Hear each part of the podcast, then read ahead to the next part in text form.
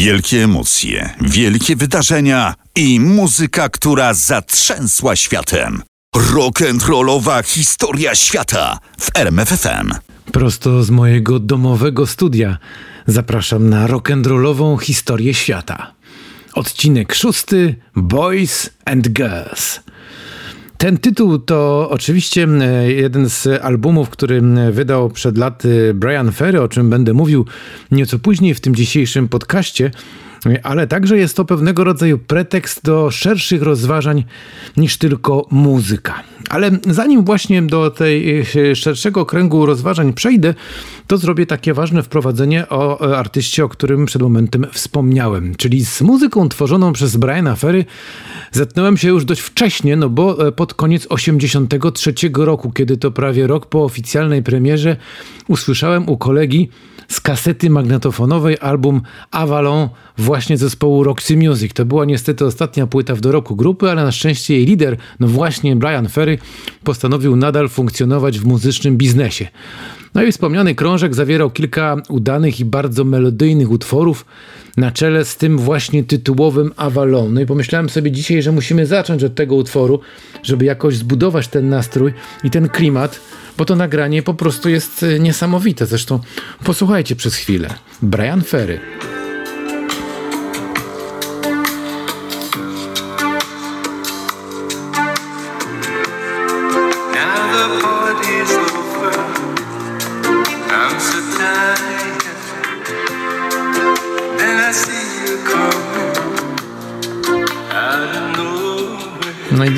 Każdego, kto wcześniej nie miał kontaktu z twórczością Roxy Music i przede wszystkim Briana Ferry, ta płyta znakomicie nadawała się na taki początek e, znajomości, na takie zapoznanie się z e, tym, co oni mają do zaproponowania. No i tak też było ze mną. E, od razu spodobały mi się te dźwięki zamknięte w tych dziesięciu kawałkach tworzących to wydawnictwo Avalon. No i to była zupełnie inna muzyka, to muszę tutaj bardzo wyraźnie podkreślić, od tej, której słuchali moi koledzy. Oni słuchali słuchali takiego bardzo hałaśliwego rock'n'rolla, a ja zwróciłem uwagę na takiego elegancika z równo przystrzyżonymi włosami. No bo tak wtedy właśnie wyglądał Brian Ferry, tak się wtedy prezentował i tak, taki właśnie miał styl. To był facet, który właśnie e, w ten sposób zdobywał popularność i w taki sposób też można powiedzieć, że e, zaczynał no, u mnie również stanowić pewnego rodzaju ważną, istotną artystyczną wartość. No i po kilku takich przesłuchaniach tej płyty Avalon, e, tak jak mówiłem, którą dostałem, pożyczyłem właściwie od kolegi na kasecie, został u mnie pobudzony apetyt, no i oczekiwanie na kolejne produkcje publikowane właśnie przez e, Briana Ferry. No to trzeba było poczekać parę lat i to był bardzo ważny czas e, w moim, no mogę tak to nawet nazwać, lekko już rock'n'rollowym życiu, bo zaczął się u mnie czas winyli, czyli właśnie zdobywania płyt. E, wtedy już byłem w liceum, no i to był taki czas, kiedy część e, chłopaków, kolegów z klasy e, gdzieś tam e, zaczynała właśnie interesować się muzyką. I tu bardzo ważne odniesienie do tytułu Boys and Girls. No bo oczywiście w klasie mojej liceum byli i chłopcy, i dziewczyny ale to tylko chłopcy interesowali się muzyką, to tylko chłopcy interesowali się e, płytami, to tylko chłopakom jakoś chciało się chodzić za płytami i szukać e, tej muzyki na płytach. Co wtedy robiły dziewczyny? Czy one miały jakieś e, swoje muzyczne pasje, o których nam nie mówiły? Tego szczerze mówiąc nie wiem i to jest zagadka, którą być może jeszcze uda się kiedyś rozwiązać. I to można powiedzieć właśnie, że w tym takim świecie szarym, smutnym i ponurym, bo to jest połowa lat 80., to było takie bardzo męskie hobby, czyli poszukiwanie krążków, albumów właśnie po to, żeby chociażby na chwilę taką płytę mieć w domu, posłuchać, co tam się na niej znajdzie.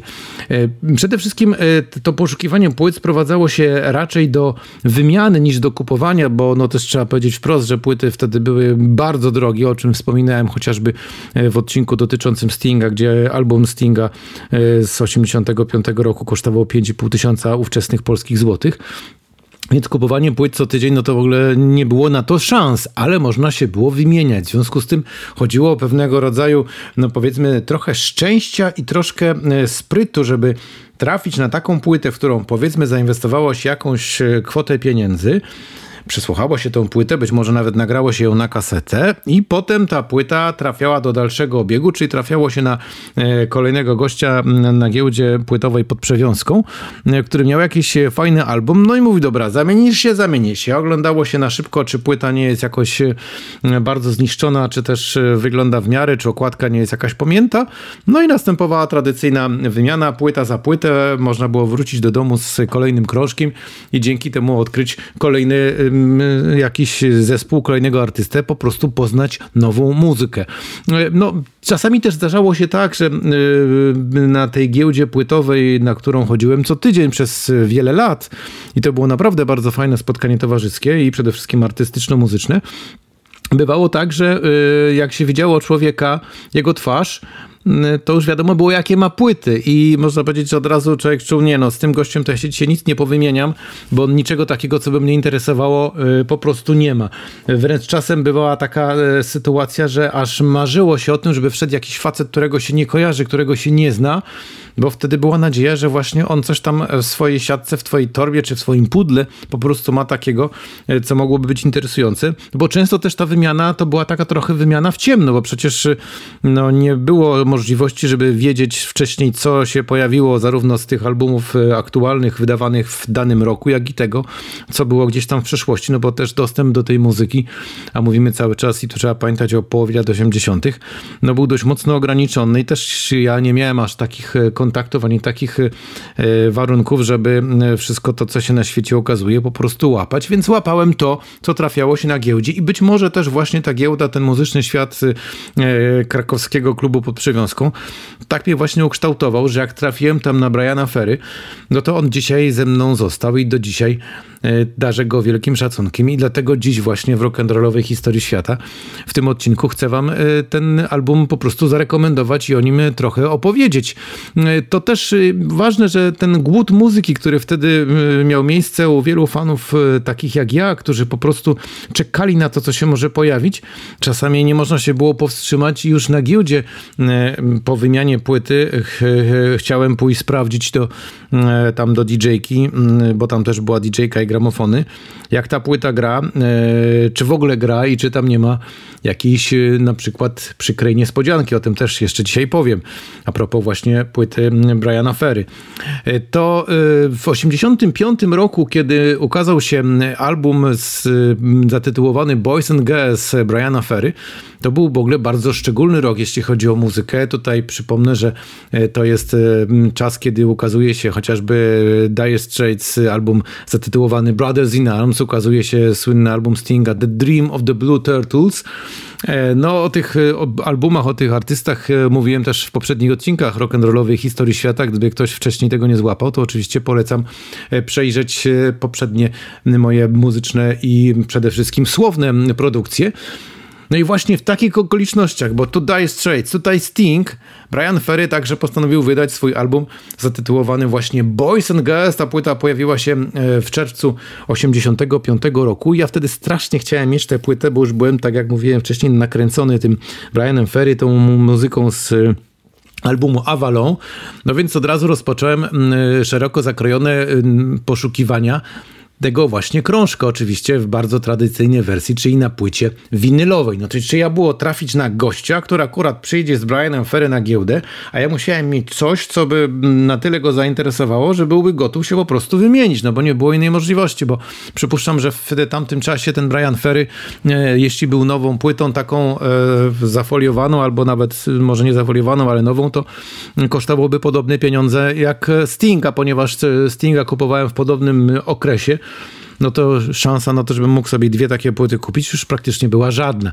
Więc trzeba było szukać kogoś, kto by się wymienił i to jeszcze korzystnie, tak, żeby e, na tym może nie stracić. Ewentualnie czasami zdarzała się też taka forma wymiany, że na przykład ktoś, jakiś facet mający płytę mówi, dobra, ja się wymienię, ale jeszcze musisz mi na przykład 5 stówek dopłacić, żeby mi się to kalkulowało. No więc czasami też tak się zdarzało. No i no, ten, te poszukiwania długo trwały, po prostu nikt nie przynosił tego Briana Ferry, aż po chyba czterech tygodniach akcja została zakończona sukcesem i na talerzu mojego gramofonu wylądowała właśnie czarna płyta, a w rękach e, mogłem obracać okładkę z lekko zmysłowym, żeby nie powiedzieć namiętnym obrazkiem. Proszę sobie odszukać e, w internecie, jak wygląda okładka albumu Boys and Girls Briana Ferry.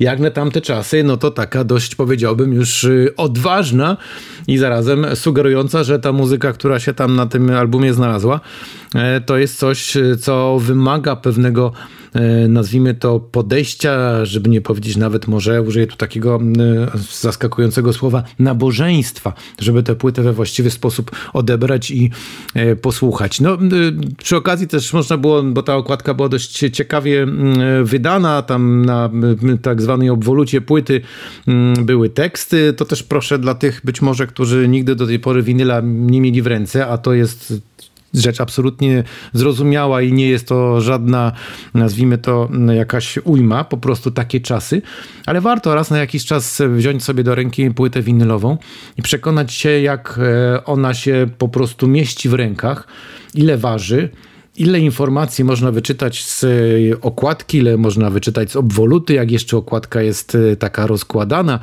e, bo czasem niekoniecznie płyta musiała być dwuczęściowa, żeby okładka była rozkładana, więc to była cała historia i to były właściwie takie Najważniejsze elementy, jeśli chodzi o odbieranie muzyki z płyty, to oprócz przesłuchania zawartości, również odkrycie to, co też artysta na tej okładce chciał przekazać tym, którzy tę płytę po prostu kupili. I tak też było u mnie. Od razu przejrzałem całą płytę, zobaczyłem, kto gra, to, co zostało nagrane.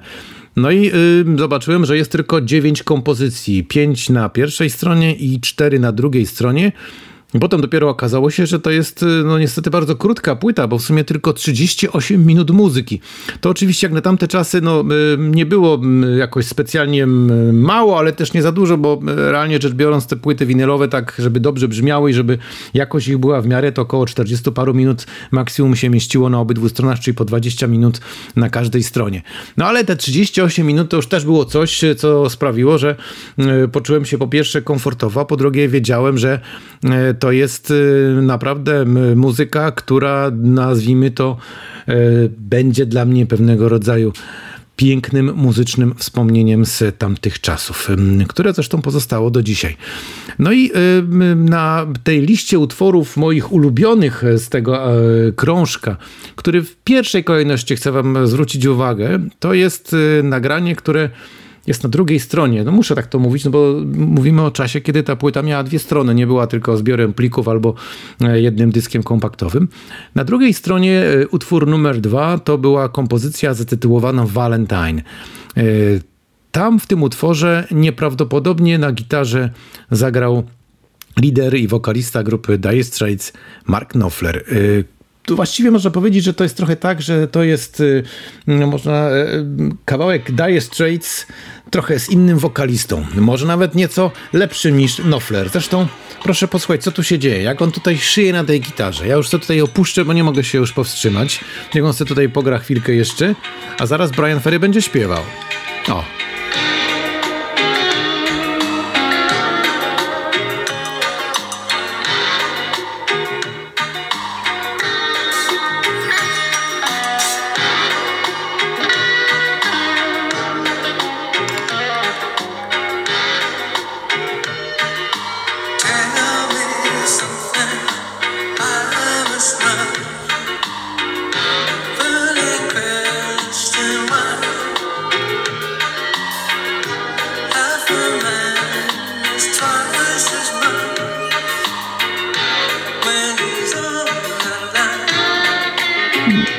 tak sobie tutaj panowie gadają między sobą. E, Brian Ferry śpiewa, Knopfler mu na gitarze odpowiada.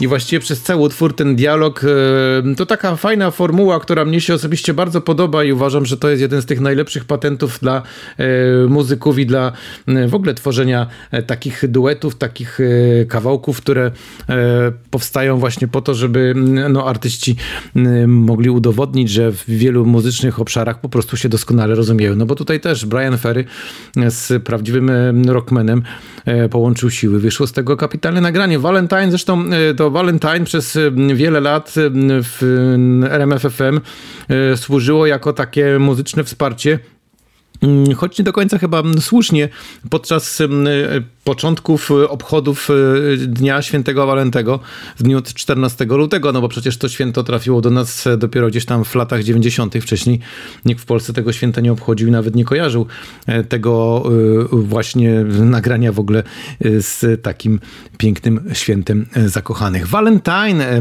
w wykonaniu Briana Ferry i Marka Knopflera to jest ten najjaśniejszy moim zdaniem punkt na tym krążku, ale to też nie jest tak, że to jedyny Knopfler tutaj zrobił dobrą robotę, y, bo oprócz Knopflera też pojawia się Gilmour, gitarzysta Pink Floyd, który gdzieś tam swoje solówki na gitarach odpala.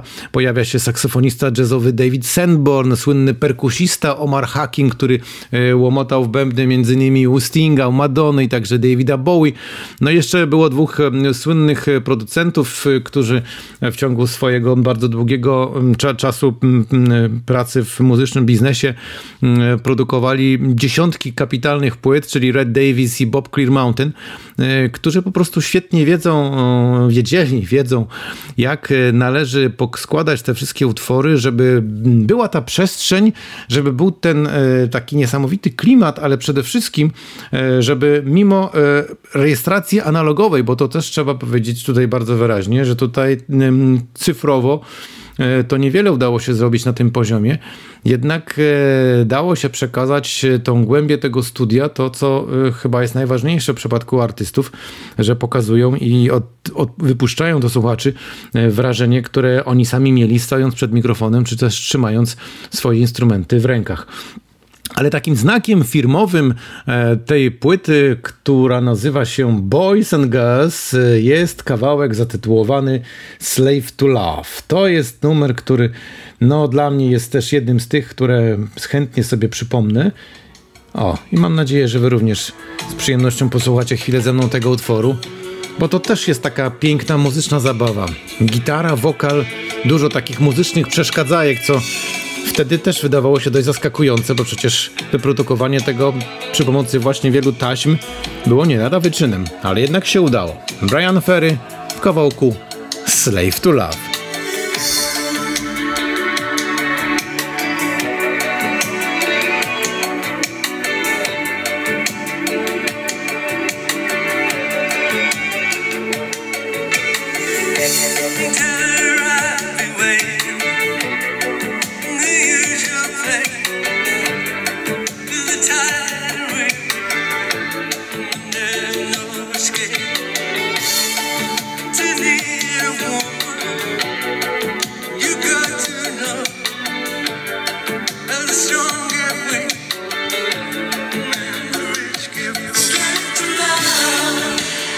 To ten piękny refren i tam gdzie słychać było i tą gitarkę Gilmora i te stukania Omara Hakima, ale też być może mm, czujni, uważni słuchacze e, tego podcastu rock'n'rollowej historii świata zauważyli, jedną taką dość istotną rzecz. Wszystkie te trzy utwory, które dzisiaj mm, zagrałem, wszystkie te trzy nagrania, to były utwory, które miały bardzo długie tak zwane intra, e, czy też inaczej mówiąc, te początki instrumentalne, które doprowadzają do momentu, w którym dopiero wokalista zaczyna śpiewać. Po 20, po nawet 30 sekund.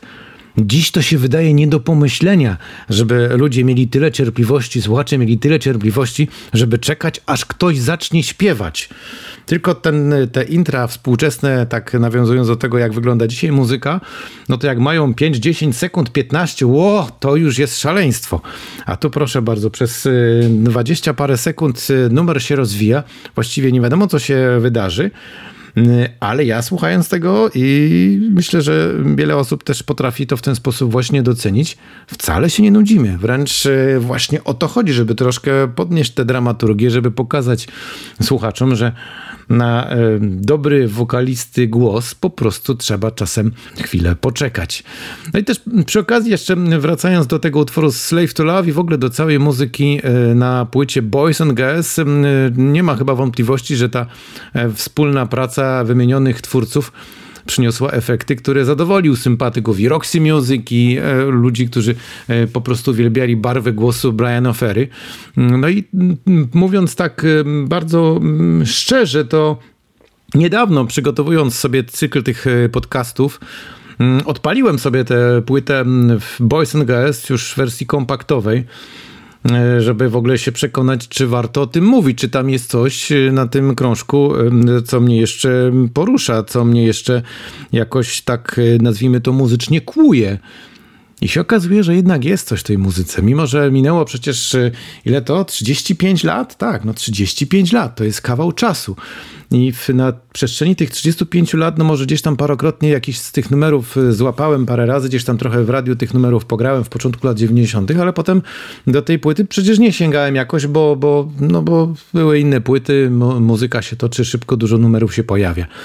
I nagle się okazuje, jak się wsiada do takiego pociągu z napisem Boys and Girls, e, gdzie tak e, momentami trochę surowo, ale zarazem e, oryginalnie brzmi ta muzyka, to wydaje się, że mm, ci artyści wtedy jednak mieli dużo więcej wyobraźni i dużo więcej chyba takiej swobody. Nie musieli się niczego obawiać, nie musieli się na nikogo oglądać, żeby stworzyć coś, co po prostu zostanie na pamiątkę i e, z czym będziemy się mogli e, równie dobrze e, komfortowo czuć nawet po tych trzech czy nawet czterech dekadach. Jestem przekonany, że tak właśnie będzie z płytą zatytułowaną Boys and Girls.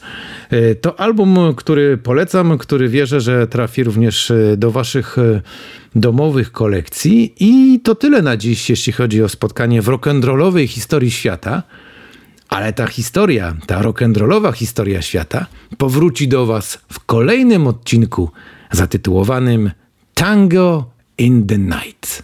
Do usłyszenia.